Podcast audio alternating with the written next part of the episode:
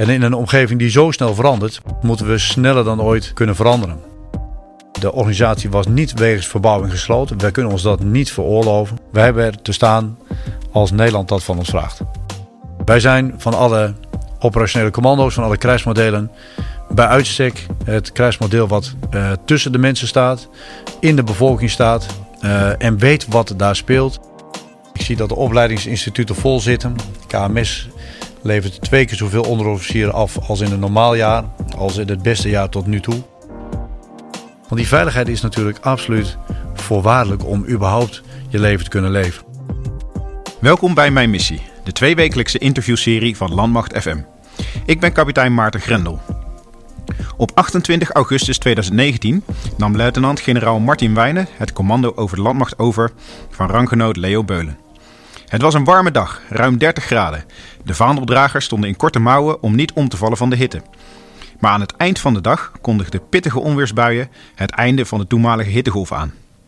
Misschien wel metaforisch voor wat de toekomst zou brengen, want op dat moment leek het nog heel mooi weer. De landmacht zat in een herstelfase na jarenlange bezuinigingen. Grote oefeningen stonden op de planning. Uitzendingen liepen gestaag door en de Nederlandse economie draaide op volle toeren. Generaal, van harte welkom. Met wat voor gevoel begon u als commandant, nu iets meer dan een jaar geleden? Ja, ik vond het wel een mooie metafoor. Uh, om te zeggen dat het een hele mooie dag was en aan het einde waren er onweersbuien. Uh, maar in die metafoor moeten we denk ik ook teruggaan dat het de hele week al eigenlijk slecht weer was. Uh, en dat het die dag eindelijk mooi weer werd. Zo zou je het ook kunnen beschouwen. maar wel aan het eind van de dag onweersbuien. Die toekomst was nog niet helemaal zeker. Nou, wat, wat bedoel ik? Laat ik concreet worden. Toen ik aantrad een jaar geleden en ik wist al iets eerder dat ik commandant zou worden um, kwam ik tot de conclusie dat wij wegen in een verwaarloosde organisatie. Uh, een organisatie die uh, uit moeilijke arbeidsvoorwaarden kwam. Dus veel mensen die ontevreden waren. Dat zagen we terug in medewerkerstevredenheid. Ehm, als we praten over wat gebeurt er op de vierkante meter van de militair. Eigenlijk alleen maar verwachtingen gewekt die niet waar werden gemaakt. verouderde infrastructuur en veel tekorten. En eigenlijk alle verbeteringen die in de Defensienota 2018 stonden, ja, dat duurt dan een tijdje voordat die zich beginnen te manifesteren. En dat punt, dat, daar waren we wel op uitgekomen. Dingen werden al wel een beetje beter. Maar waren er nog lang niet en het gevoel was echt, ik werk in een verwaarloosde organisatie. Ja, en dan werken in een, in een verwaarloosde organisatie betekent dat dat je echt aan de bak moet. Um, en ik volg dan het principe dat je ergens naartoe gaat, je maakt een uh, assessment. Je kijkt waar eh, de schoen wringt, je maakt een plan, je vormt een team en daarna ga je aan de slag. En dat is denk ik wat we gedaan hebben. Uh, met z'n allen, met het eh, team van commandanten. En niet alleen mijn ondercommandanten, maar ook de commandanten daaronder. Uh, en de staven, niet alleen de directeuren hier, maar ook de staaf die uh, de ondercommandanten ondersteunen. En ook groepen als bijvoorbeeld het uh, onderofficierskorps. Um, en na vele gesprekken kwamen we eigenlijk uit op een command message. En ik denk dat dat belangrijk is. Uh, omdat dat richting geeft aan de manier waarop wij met z'n allen denken te gaan bewegen naar die toekomst. Um, en tot vervelens toe, en ik zeg het maar weer, begon ik dan altijd uh, met even te vertellen waarom we ook al, ja, waarom zijn we er überhaupt? Ja, we zijn er om te beschermen wat ons dierbaar is. niet, we zijn hier niet om heel erg rijk te worden misschien of om een hele geregelde baan te hebben. maar wat ons drijft en wat ons hier brengt is te beschermen wat ons dierbaar is. Um, en dat doen we door te leveren, de organisatie was niet wegens verbouwing gesloten. Wij kunnen ons dat niet veroorloven. Alleen al niet omdat we gewoon een grondwettelijke taak hebben. Uh, we willen een organisatie zijn die samenwerkt met uh, iedereen die vanuit een gezamenlijk doel en een weloverwogen eigen belang iets bij te dragen heeft. Ook vooral ons eigen belang. En misschien wel het belangrijkste, een organisatie waarin mensen prettig kunnen werken. en eigenlijk alles wat, wat we doen moet daarop gericht zijn. Zijn we met dingen bezig die niet leiden tot progressie op één van die drie, dan doen we misschien niet de goede dingen. Uh, en daarmee zijn we van start gegaan. Uh, en we hebben heel veel dingen gedaan. van maatregelen treffen in de landmacht van vandaag. we hebben gekeken naar oefeningen waar we ons misschien aan zouden vertellen. Cybersoort was eerst heel groot en meeslepend. Inmiddels weten we dat Cybersoort klein is. En we zijn blij dat we überhaupt nog iets kunnen oefenen. Ja, precies. Want daar ga ik straks ook nog iets over vragen. Ja, ja zeker.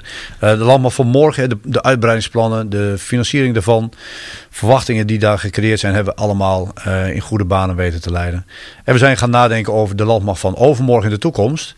En daar werden we geholpen door het initiatief uh, dat de minister had toegezegd aan de Kamer, namelijk dat er een defensievisie 2035 uh, zou worden geproduceerd. Nou, dat heeft met name de afgelopen zomer heeft dat veel tijd en effort gekost. niet voor mij alleen, maar een heel team. Om daar dan de juiste landmachtdingen in te schrijven. En nou ja, 15 oktober uitgeven defensievisie. Ik denk dat we daar als landmacht prima mee uit de voeten kunnen. Ja, nog even terug. Je had het over een verwaarloosde organisatie. Dat vind ik best wel een, een sterk statement. Ook omdat ik natuurlijk zelf onderdeel uitmaak van die organisatie. Hoe, hoe, hoe kwam u tot die conclusie? Is dat iets wat u hoort van de, van de collega's? Of is dat iets wat u met eigen ogen heeft onderkend? Nou ja, we meten ontevredenheid. Uh, we ervaren ontevredenheid. Uh, als we praten met collega's, uh, ervaren we dat.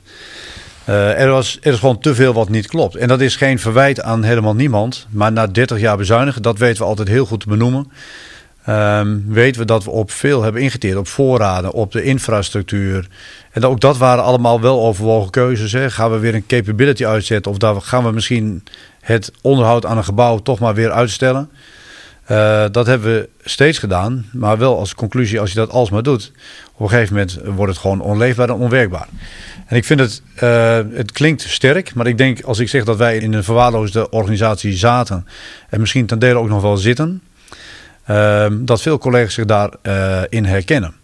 en dan hebben we een ander principe, dat we misschien niet altijd hele fijne boodschappen hebben, maar wel heel duidelijk. Ik denk dat duidelijkheid en besluitvaardigheid en zeggen wat het is, helpt in het accepteren van de realiteit. En daarna hup, de schouders eronder en gaan we zorgen dat het beter wordt. Ja, nee, dat, dat snap ik helemaal. Um, daar wil ik zo nog wel iets over vragen, maar ik wil ook nog even een, een klein stukje terug.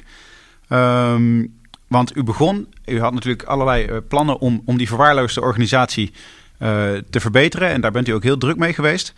Maar toen kwamen we aan het eind van het jaar. En toen brak er in China een nieuwe en onbekende longziekte uit, afkomstig van een coronavirus. En we gingen de jaarwisseling in. Het jaar begon eigenlijk zoals normaal.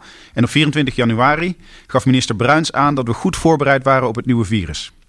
Iets meer dan een maand later, op 27 februari, werd de eerste besmetting in Nederland geregistreerd.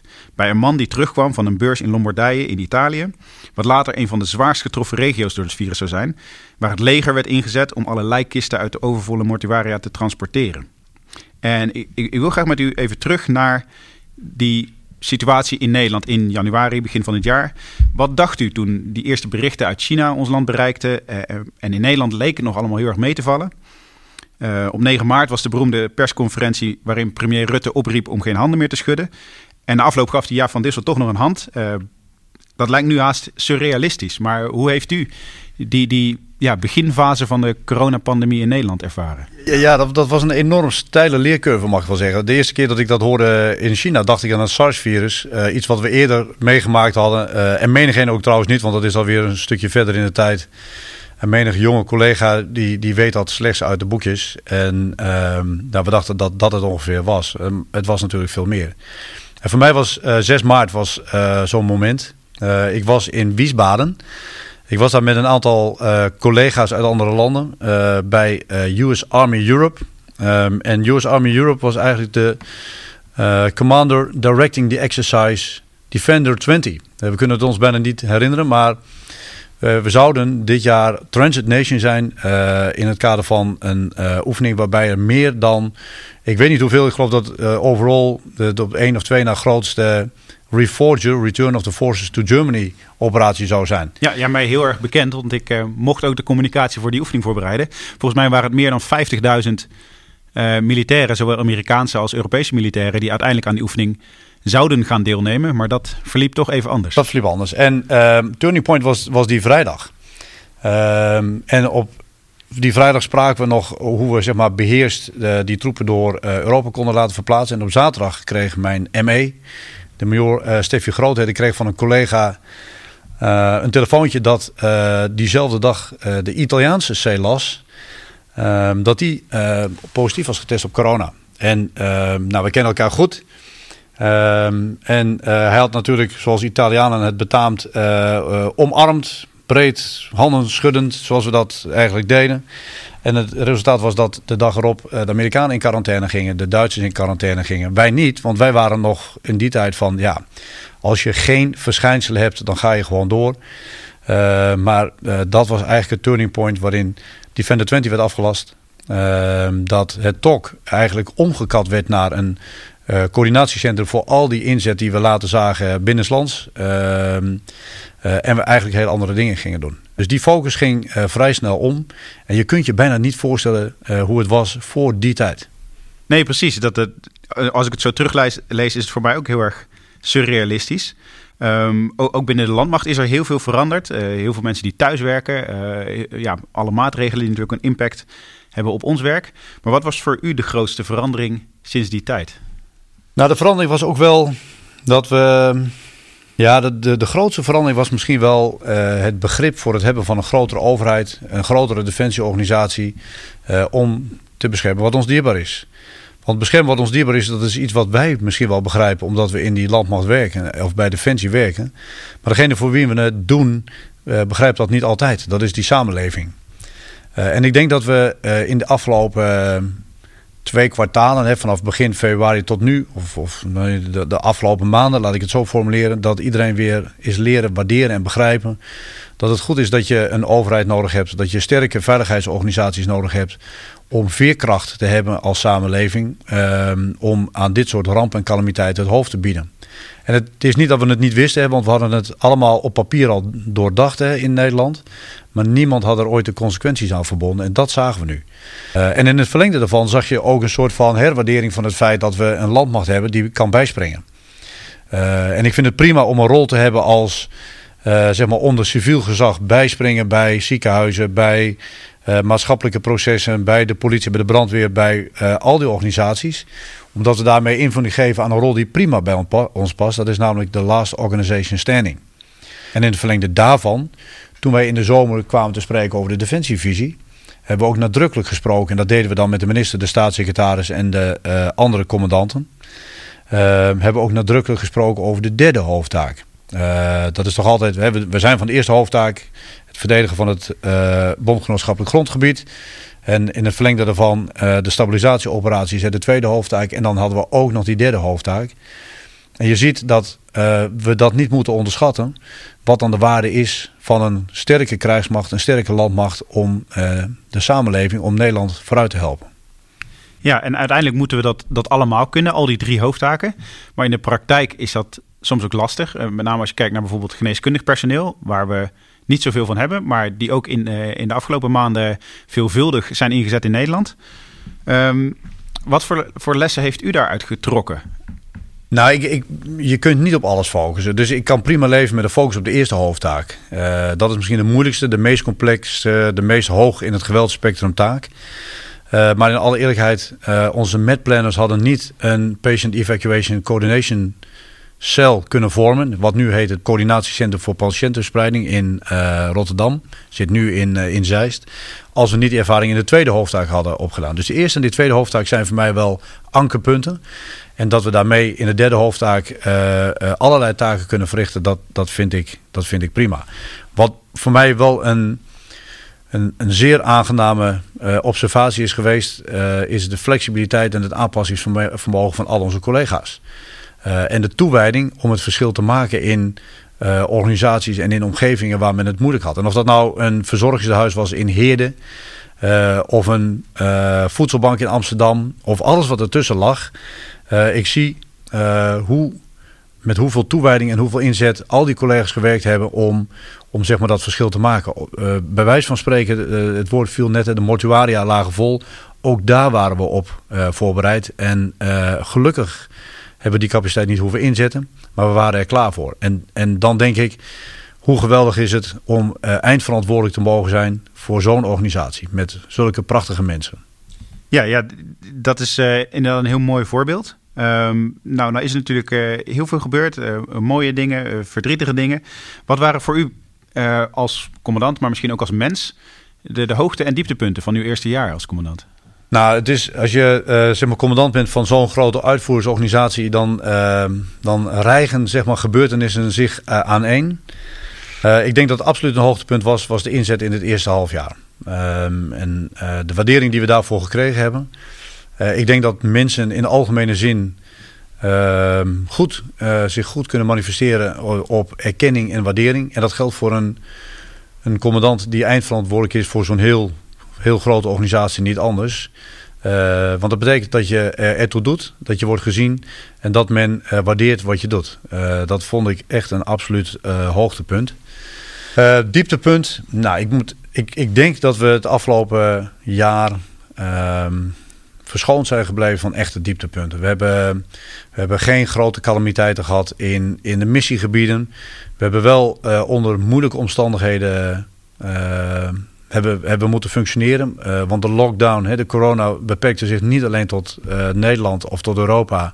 Maar tot in de inzetgebieden uh, werkte dat door.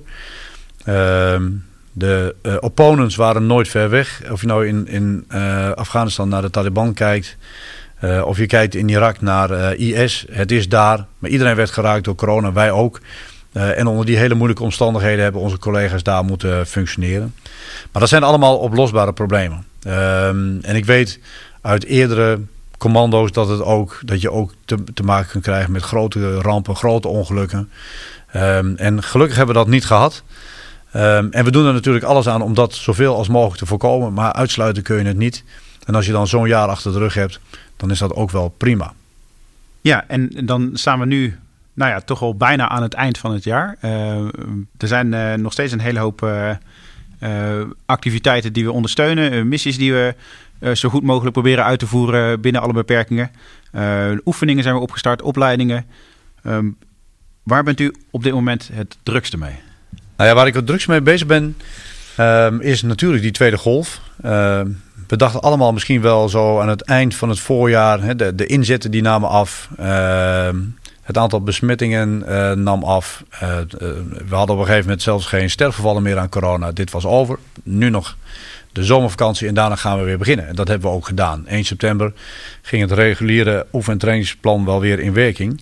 Maar die tweede golf was er ook. Dus eigenlijk zijn we nog steeds bezig drie dingen te doen om onszelf in Zebba te houden. Te voorkomen dat we een probleem worden. Dat we een deel van de oplossing blijven en niet een deel van het probleem worden met brandhaarden en you name it.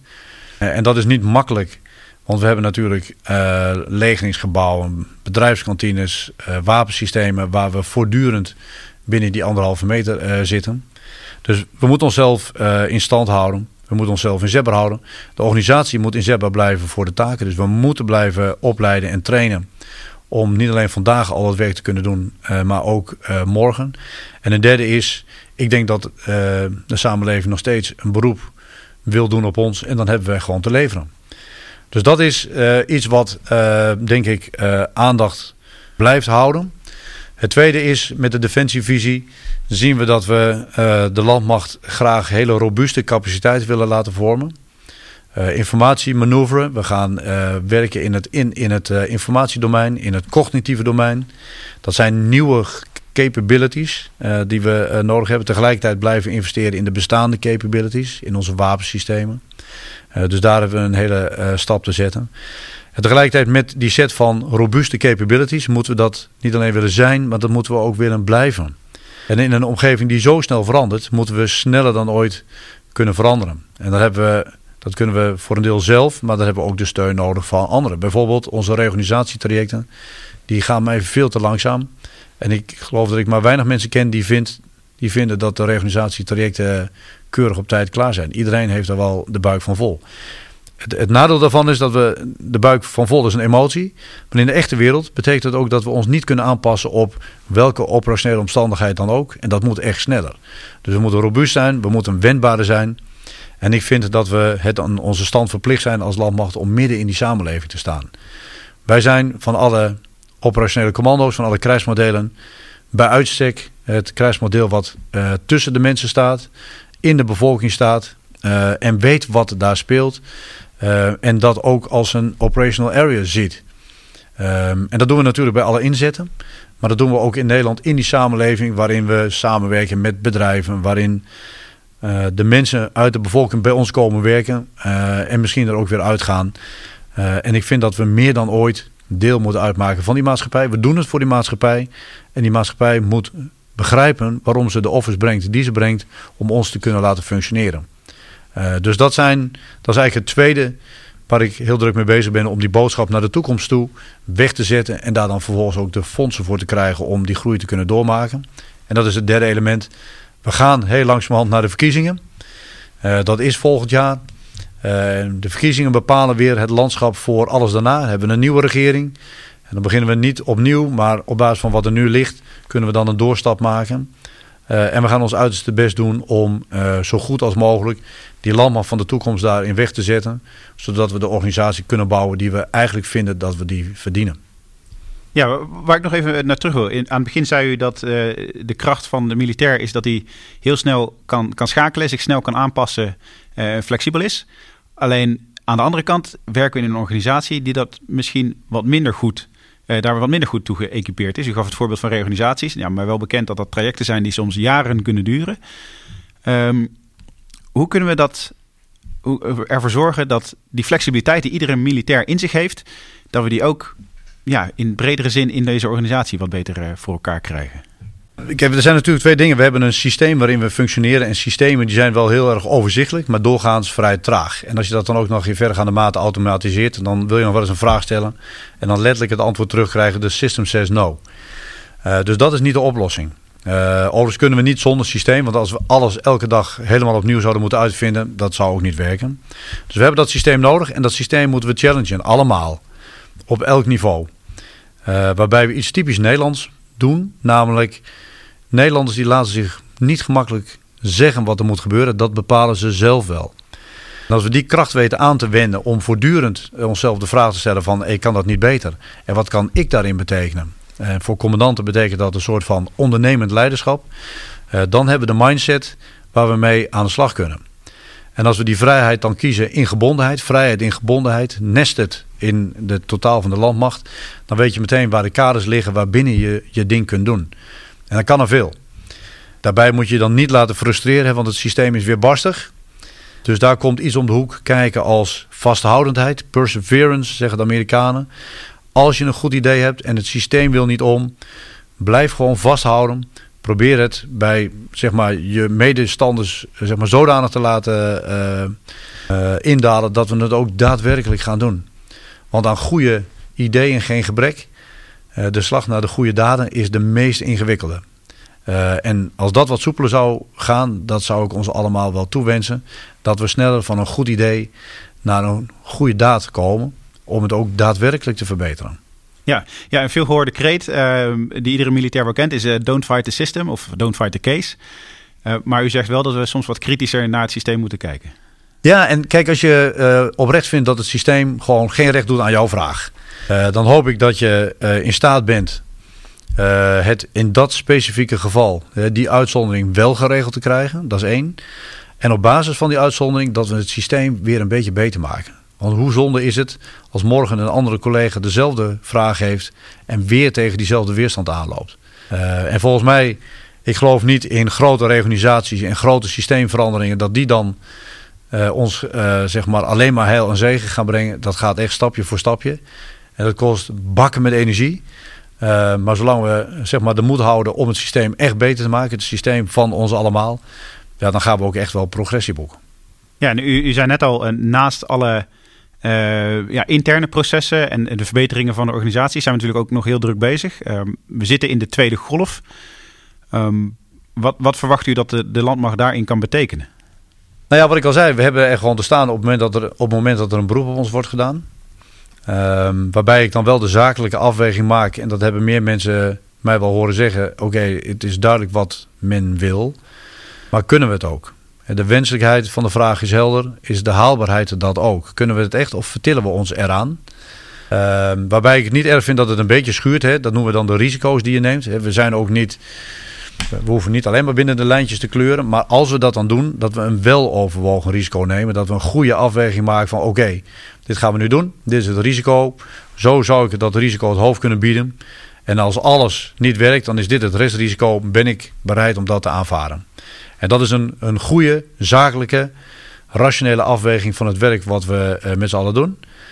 Um, en laat mij dan teruggaan naar de CDS, de opdrachtgever van, van, van de landmacht. Als het echt niet gaat, dat ik zeg, nou, serieus, uh, zo zal het niet gaan. Ik kan het wel zo doen met alle collega's en de capabilities die we binnen de landmacht hebben. Uh, en als hij zegt, nou dat is niet voldoende, dan zal mijn antwoord zijn, nou dat is prima, maar dan kan ik het helaas niet doen. Uh, en in die dialoog komen we nooit tot dat punt. Ik wil alleen die afweging wel kunnen maken dat we haalbare opdrachten meegeven aan onze eenheden, aan onze mensen. omdat als je dat niet doet, krijg je iets als overpromise en underdeliver. En daar worden mensen heel chagrijnig van. omdat je dan niet levert wat je hebt toegezegd. draai het om beloof misschien wat minder, maar overdeliver. En dan zul je, zul zien dat iedereen happy is en dat wij dus ook trots mogen zijn op dat wat we dan neerleggen. Ja, en u had het al over, soms moet je dingen aanpassen. Een van de grootste oefeningen waar een hoop collega's op dit moment mee bezig zijn met de voorbereidingen is Zebra Sword. In eerste instantie zou die oefening plaatsvinden in Duitsland, ehm, waar men natuurlijk ook nog steeds te kampen heeft met het coronavirus. En uiteindelijk is er Volgens mij was dat vorige week. In ieder geval recent heeft u besloten om die oefening naar Nederland te verplaatsen. Uh, wilt u daar iets meer over vertellen? Ja, en dat is wel goed dat je dat vraagt. Uh, want voor sommigen leek het alsof het uit de lucht kwam vallen, maar dat was het natuurlijk niet. Uh, we zagen in de projectorganisatie die bezig was met Zebra Sword, zagen we al een tijdje dat uh, onze omgeving zich ongunstig ontwikkelde. Corona-wise, om deze oefening goed te kunnen doen.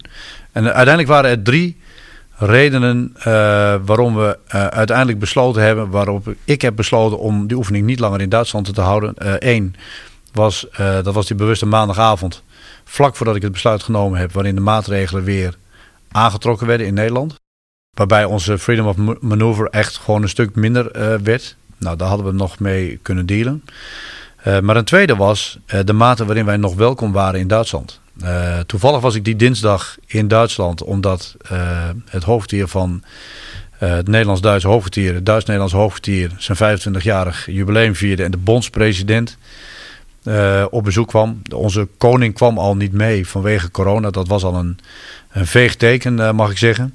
en we hadden van de Duitse beheerden, hè, dus de, dat zijn de Länder, Nieder-Sachsen en Noord-Rijn-Westfalen, hadden we een hele reeks aan maatregelen opgelegd gekregen om te kunnen oefenen.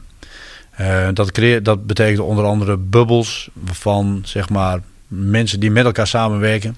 En, en daar dan proberen zeg maar, het probleem, als het zich zou voordoen, te kunnen begrenzen en beperken.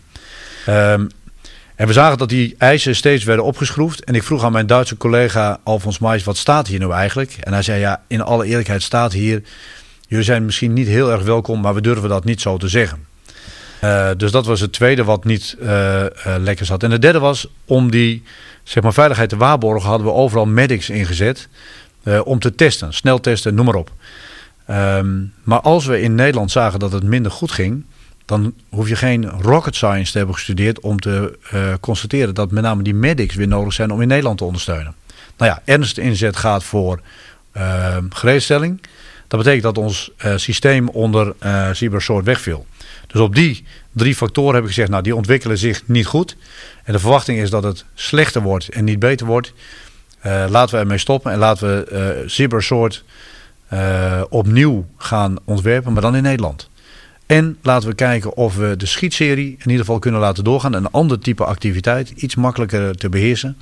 Omdat de schietvaardigheid van de landmacht begint mij na zeg maar, de, de, coronatijd en alle beperkingen van dien wel een beetje zorgen te baren. Dus we gaan kijken of we dat in ieder geval kunnen realiseren. Als zeg maar restant van de cybersoort die we ons eerst echt hadden voorgesteld met z'n allen. Ja, ja u, u zegt uh, misschien terecht restant. Want ook een van de redenen dat we normaaliter in Duitsland oefenen... is omdat daar de, de oefenterreinen en de mogelijkheden gewoon veel, veel groter zijn. Uh, in Nederland wordt dat lastiger, kan ik me zo voorstellen. Ja, ik, ik, ga ook niet zeggen dat het er leuker op wordt. Ik weet dat er heel veel collega's uh, zich echt hadden verheugd om, om het beste uit zichzelf te halen in Duitsland met alle mogelijkheden van dien. Um, maar corona is niet weg. Uh, het is een factor waar we rekening mee moeten houden. Um, en binnen die beperktere kaders moeten we proberen het beste uh, ervan te maken. in alle eerlijkheid, ik had dit half jaar, had ik, ik weet niet hoeveel internationale reizen zullen maken.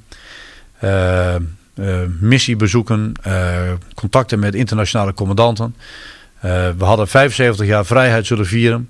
Niet alleen in Nederland, tot zelfs in Canada aan toe. we hadden Invictus Games gehad. ja, dat is er allemaal niet geweest. Ja, dan wordt het er misschien allemaal niet leuker op. maar het werk blijft nog steeds voorop staan. En we hebben ervoor te zorgen dat we klaar zijn voor welke inzet dan ook. Ja, dan moeten we trainen. En dan maar in een iets minder uitdagende omgeving. Gewoon weer terug in Nederland. En gaan we daar het beste van maken. Ja, want hoe zorgt u dat we, ondanks alle beperkingen en ondanks alle dingen die, die niet meer kunnen, ehm, waar iedereen zich terdege van bewust is en waar iedereen dagelijks mee eh, te maken krijgt, hoe zorgen we dat we nog wel gereed blijven voor welke mogelijke opdracht dan ook? Nou ja, omdat we uh, uiteindelijk onze TTP zit, tactieken, techniek en procedures gewoon uh, moeten beheersen. Uh, dat betekent dus dat we risico's moeten nemen, namelijk veel in elkaars omgeving zitten, dus binnen die anderhalf meter. En daar hebben we nu, en ik heb daar zelfs al eerder al eens een keer een filmpje over opgenomen. En, en we, we zeggen dat ook met de, bij de ondercommandanten, maar ook bij de medezeggenschap. Jongens, maak een goede risicoafweging. Want nog erger dan misschien besmet raken is het feit dat je misschien je wapensysteem niet kunt beheersen. Dus dan heeft dat voorrang. En dan gaan we dat dus dan toch doen. gaan we toch in elkaars omgeving zitten. Uh, maar met een risicoafweging. En dan de commandant hebben de VRAO-systematiek. Uh, of Operational Risk Management. Een methodiek om te bepalen wat dan het risico is. Uh, en ik heb de oudere onderofficieren gevraagd om de red card holder te zijn. We kennen dat allemaal vanuit de missiegebieden. Natuurlijk zijn ze niet de officiële red card holder.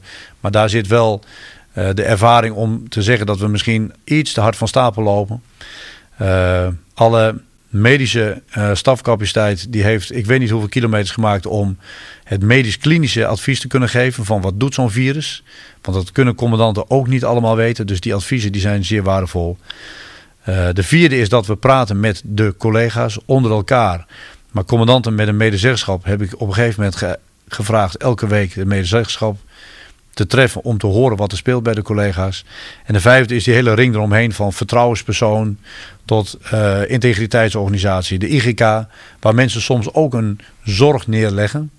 Uh, en in alle gevallen vind ik dat die snel naar mij terug moet, naar ons terug moet, omdat alleen wij zelf daar het hoofd aan kunnen bieden.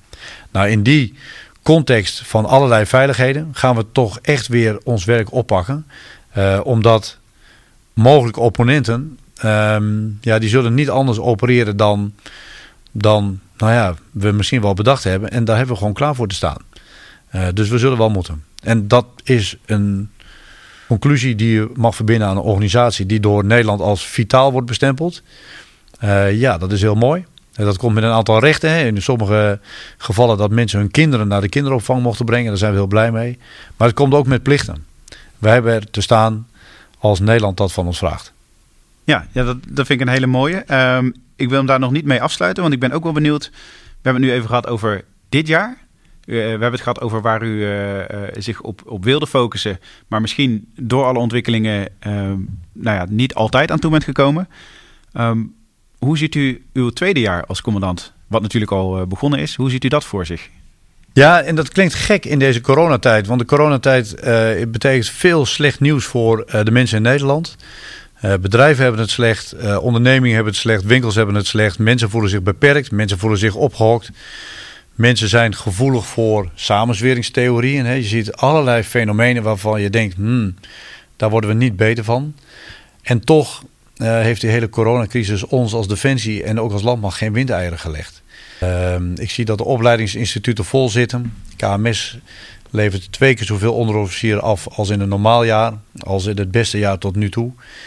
Uh, als je nu naar uh, de KMS wilt en je solliciteert bij Defensie, dan ben je op 1 juli volgend jaar de eerste. En niet omdat we zo traag zijn, maar echt de, alle opleidingen zitten vol. Ik zie het vullingspercentage zie ik, uh, oplopen. Ik zie mensen terugkeren naar deze organisatie. Um, ik zie een heel aantal problemen ook wel weer aangepakt worden.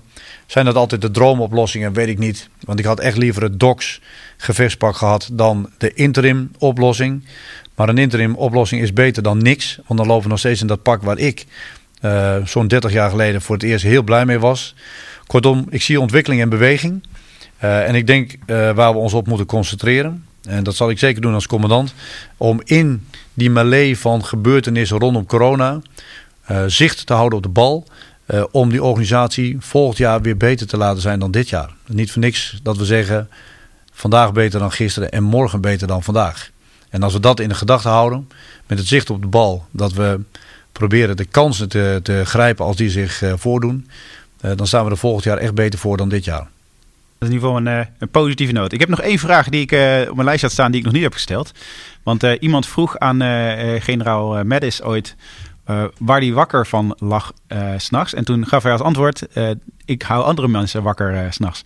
Dat vond ik wel een hele mooie. Ik weet niet of u wel eens ergens wakker van ligt? Uh, nou, ik geloof niet dat ik bekend sta als een groot slaper.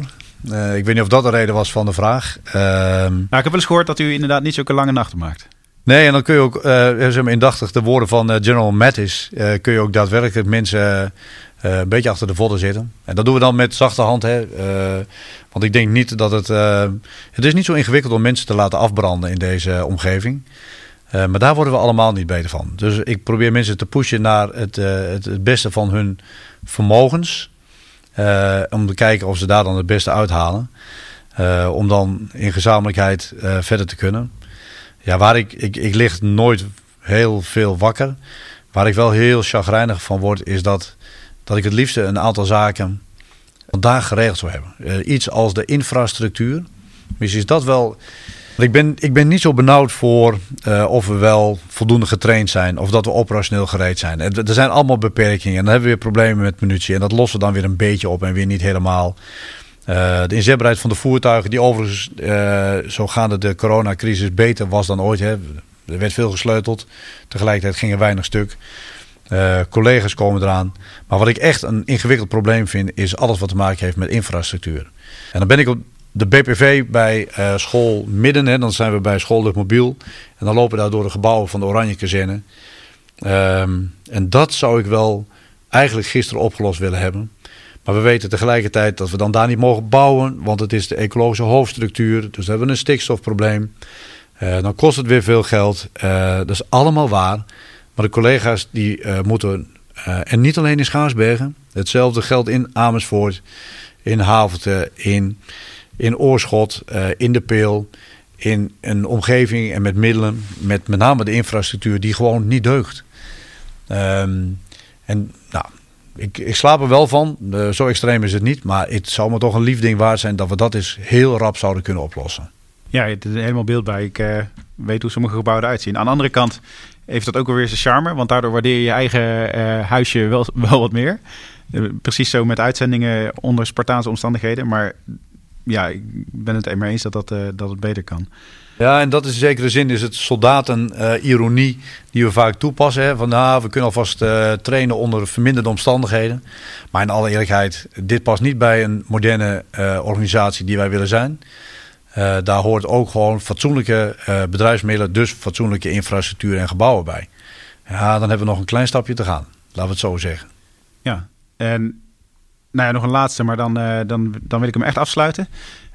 Wat het dan wel weer lastiger maakt, is dat heel Nederland nu, nu natuurlijk maximaal geld aan het uitgeven is om de economie maar een, een beetje overeind te houden. En, en dat de prognoses zijn dat dat misschien ook wel een negatieve impact gaat hebben op onze begroting de komende jaren. Ja, kijk, al het geld dat we nu uitgeven als overheid uh, en wat we meer uitgeven dan we binnenkrijgen, ja, dat, dat wordt uh, toegevoegd aan de staatsschuld. Nou staan we er als Nederland niet heel slecht voor. Ik ben geen econoom, maar dat is wat we denk ik allemaal wel zien. Um, en als we kijken naar de Defensievisie 2035 is het een groeitraject waar we echt niet morgen al zijn. Um, maar het zou denk ik goed zijn dat we heel langzamerhand zouden groeien naar de contributie die de NAVO van ons vraagt. En een beetje meer dan dat. Hè, want als we kijken wat we allemaal willen bereiken met die defensievisie, hebben we daar veel geld voor nodig. Um, en, uh, maar het is ook niet voor niks. Uh, want in een land wat niet veilig is, kun je ook niet ondernemen. Kun je niet naar school of maar beperkt. Uh, en kunnen we onze manier van leven, hè, de, de vrijheid die we hebben, kunnen we maar, ja, die kunnen we daar niet mee waarborgen. Dus de vraag is, Waar wil je als uh, samenleving je risico's lopen? En ik zou hem niet meteen bij de, bij de veiligheid neerleggen. Want die veiligheid is natuurlijk absoluut voorwaardelijk om überhaupt je leven te kunnen leven. Uh, dus ja, uh, ik zie dat de begroting voor volgend jaar intact is. En we hebben de goede plannen en we gaan dat geld uh, echt allemaal uitgeven. Ik zie een groeipotentie. En tegelijkertijd, ik ben het met je eens, dat geld zal een keer terug moeten. Ehm, en de vraag is hoe we dat gaan doen. Maar laat ik dan zo zeggen, naar alle collega's, hou dan de komende tijd de, verkiezings, ehm, de verkiezingsprogramma's in, in, in de gaten. En kijk waar je zelf je keuze maakt op het moment dat je in dat, in dat stemhokje staat om uh, te kiezen welke kant het in Nederland uh, opgaat. Want uiteindelijk is het de politieke keuze die bepaalt hoe we onszelf uh, gaan doorontwikkelen. Dat is niet laf van een commandant landstrijdkrachten dat hij zich daarachter verschuilt. Zo werkt dat in een politieke de democratie, in een parlementaire democratie. Dat de politiek uiteindelijk de kaders neerzet waarbinnen wij kunnen opereren. En laat het dan mijn verantwoordelijkheid zijn om daar voor de landmacht, voor de kruismacht in gezamenlijkheid en voor de landmacht in het bijzonder, daar dan de kaders te creëren eh, de ruimte te, te, creëren dat we daar zo goed mogelijk een landmacht van kunnen bouwen. De landmacht die we eigenlijk allemaal wel graag willen. Ja, wat we ook met z'n allen wel in het achterhoofd moeten houden. We hebben net weer alle plannen met de ondercommandanten doorgesproken. En dan denk je dat je weet hoe het zal gaan in 2022 en 2024. Maar er komt elke keer wel weer wat tussen. Is het niet een coronacrisis, dan is het wel weer iets anders. Dus we moeten vooral ook de flexibiliteit van geest houden.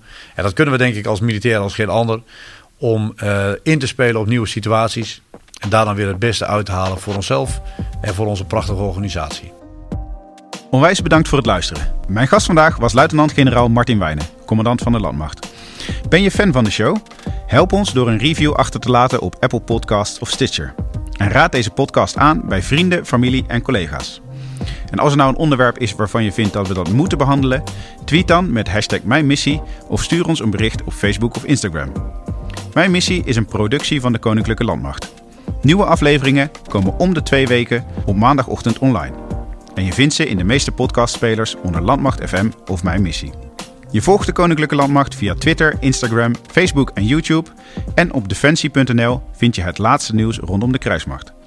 Nogmaals bedankt voor het luisteren en tot de volgende aflevering.